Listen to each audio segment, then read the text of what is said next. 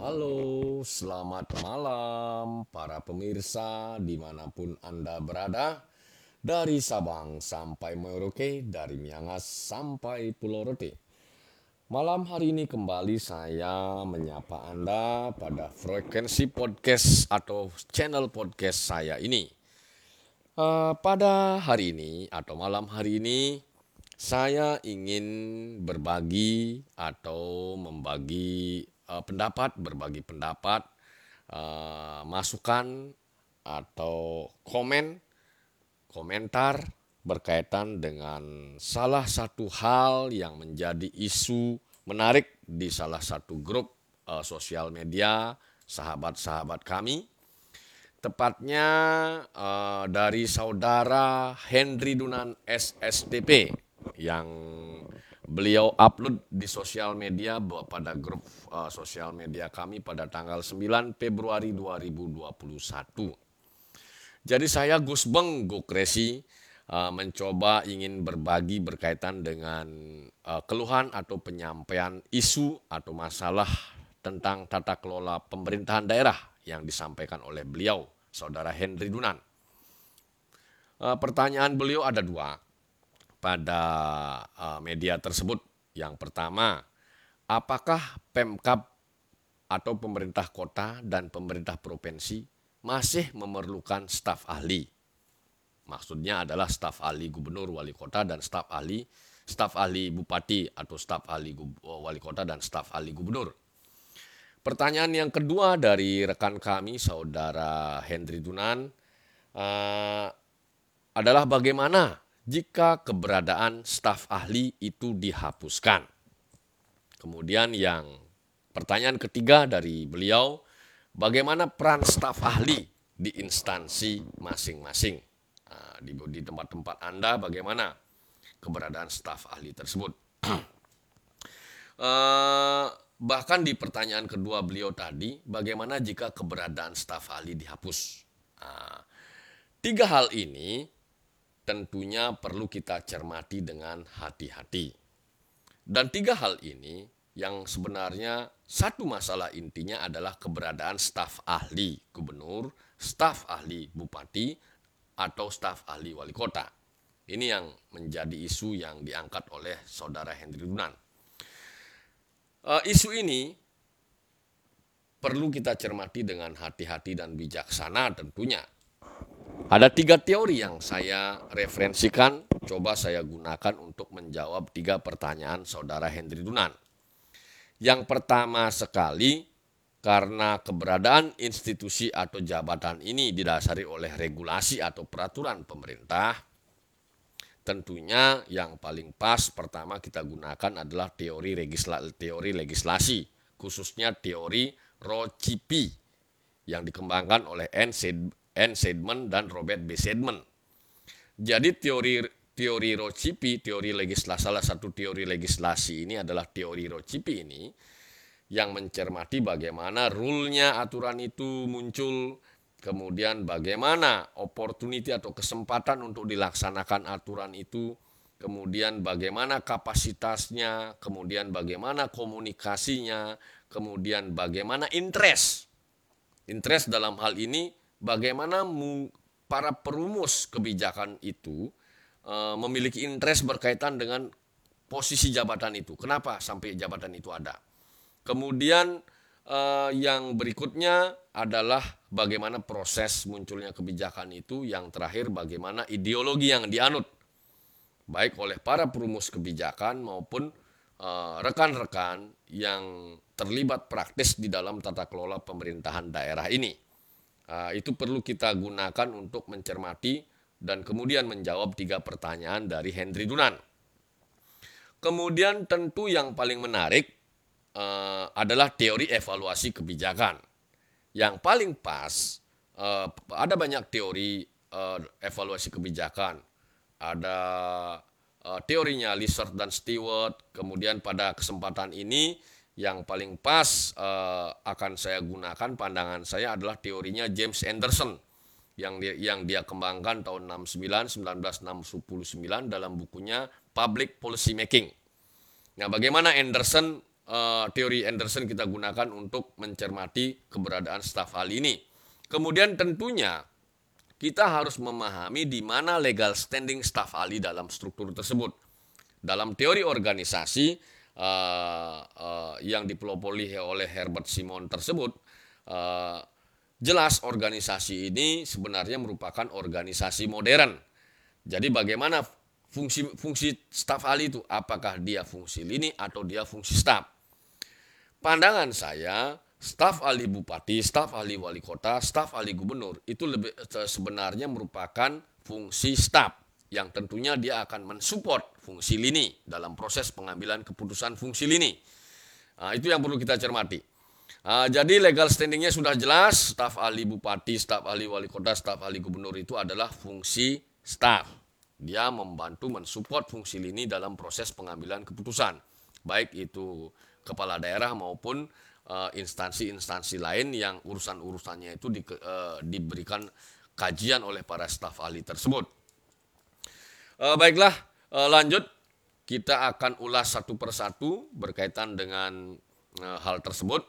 Jadi teori tadi sudah teori uh, legislasi kita bahas.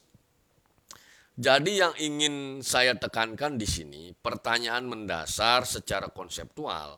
Kenapa sampai muncul jabatan staf ahli bupati, staf ahli wali kota, staf ahli gubernur yang notabene the same as staf ahli kepala daerah.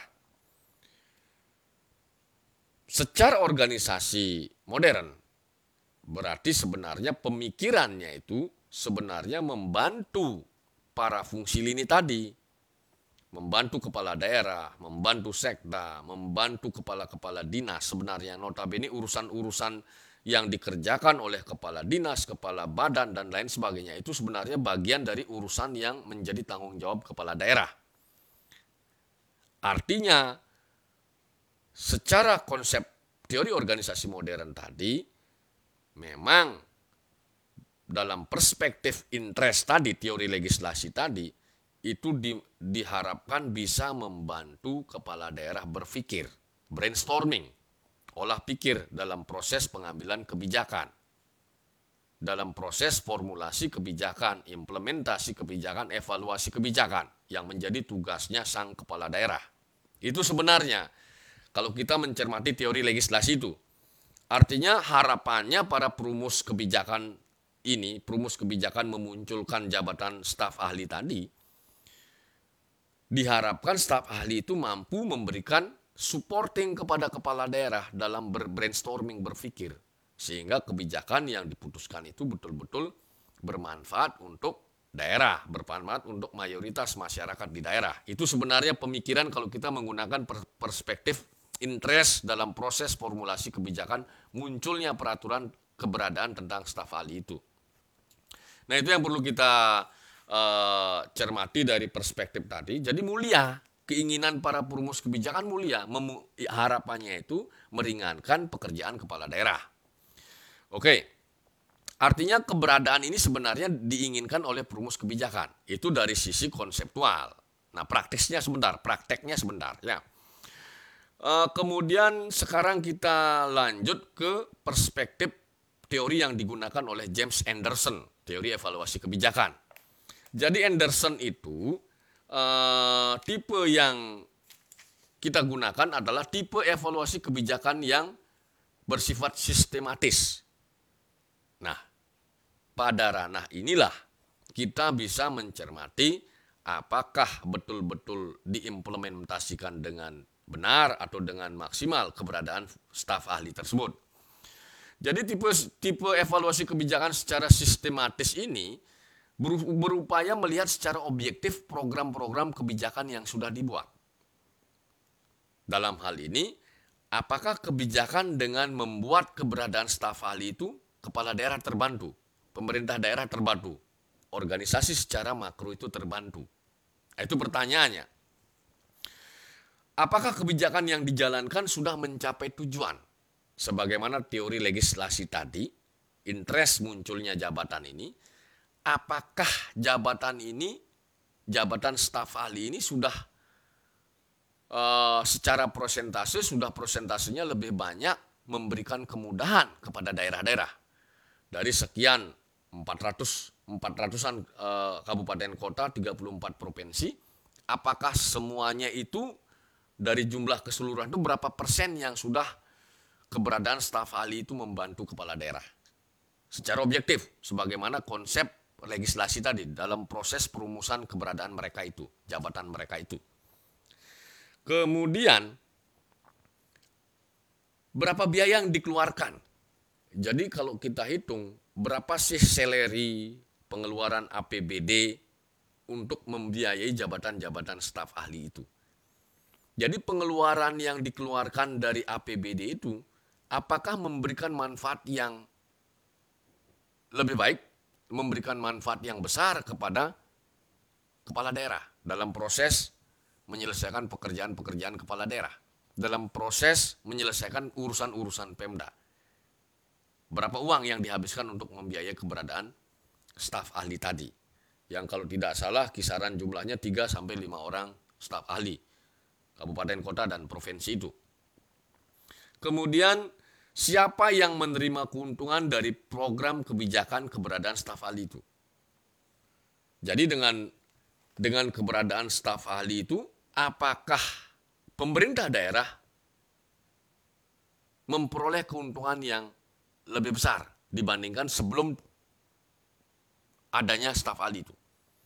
Nah, hal-hal itu yang perlu dielaborasi, konsep yang digunakan uh, oleh James Anderson ini kita upayakan untuk dielaborasi.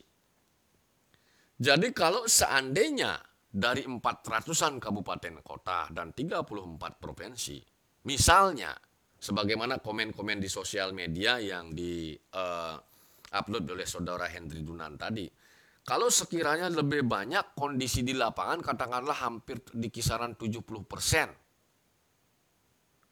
atau 60 persen ke atas 60 persen katakanlah 70 persen lebih 70 80 persen ternyata staf ahli posisi jabatan staf ahli itu tidak diberdayakan oleh kepala daerah artinya semata-mata hanya ada kursi jabatan tetapi tidak diberdayakan kalau 70 sampai 80 persen bahkan lebih. Ya pandangan saya pribadi lebih baik ditiadakan saja jabatan itu. Karena memang faktanya tidak dimanfaatkan secara maksimal oleh kepala daerah, para kepala daerah. Jadi pertanyaan yang kedua dari Henry Dunan, bagaimana jika keberadaan staf ahli itu dihapus? Ya lebih baik dihapus. Karena menghabiskan energi, menghabiskan uh, tidak hanya anggaran, tetapi kasihan yang menjabat di tempat itu kalau tidak diberdayakan. Jadi artinya kalau angkanya di kisaran 70% lebih tidak diberdayakan, berarti itu sama dengan secara empiris sebagaimana konsep uh, teori organisasi modern secara empiris ternyata mereka tidak dibutuhkan. Ternyata kursi jabatan itu digunakan untuk misalnya sebagai tempat parkir bagi orang-orang yang ditengarai berseberangan pemikirannya dengan kepala daerah. Jadi bagi, pertanyaan yang tiga, bagaimana peran staf ahli di instansi Anda? Nah, sebagaimana saya baca di komen-komen FB-nya yang diunggah oleh Hendri Dunan, itu sepertinya secara kasat mata saya tangkap itu lebih banyak posisinya tidak diberdayakan. Artinya apa? Artinya kesimpulan jawaban saya berkaitan dengan pan, uh, pertanyaan saudara saya Hendri Dunan SSTP pada tanggal 9 Februari tersebut akan lebih baik apabila uh, jabatan itu kita kaji ulang kembali. Uh, tentunya uh, apa yang lebih bagus mungkin kita melakukan kajian ulang, merevisi uh, sebagaimana model tata kelola atau struktur organisasi yang ada di pemerintah daerah baik itu Pemprov maupun Pemkap Pemkot berkaitan dengan posisi jabatan staf ahli kepala daerah. Uh, demikian tanggapan saya berkaitan dengan hal tersebut. Apabila dalam penyampaian tadi ada yang kurang berkenan, saya mohon maaf. Saya tutup dengan menyampaikan pramesanti Om, Santi, Santi, Santi Om. Assalamualaikum warahmatullahi wabarakatuh. Salam sejahtera, salam bahagia dari saya, dari uh, Jembrana, Bali, dan Pasar, Bali. Selamat malam.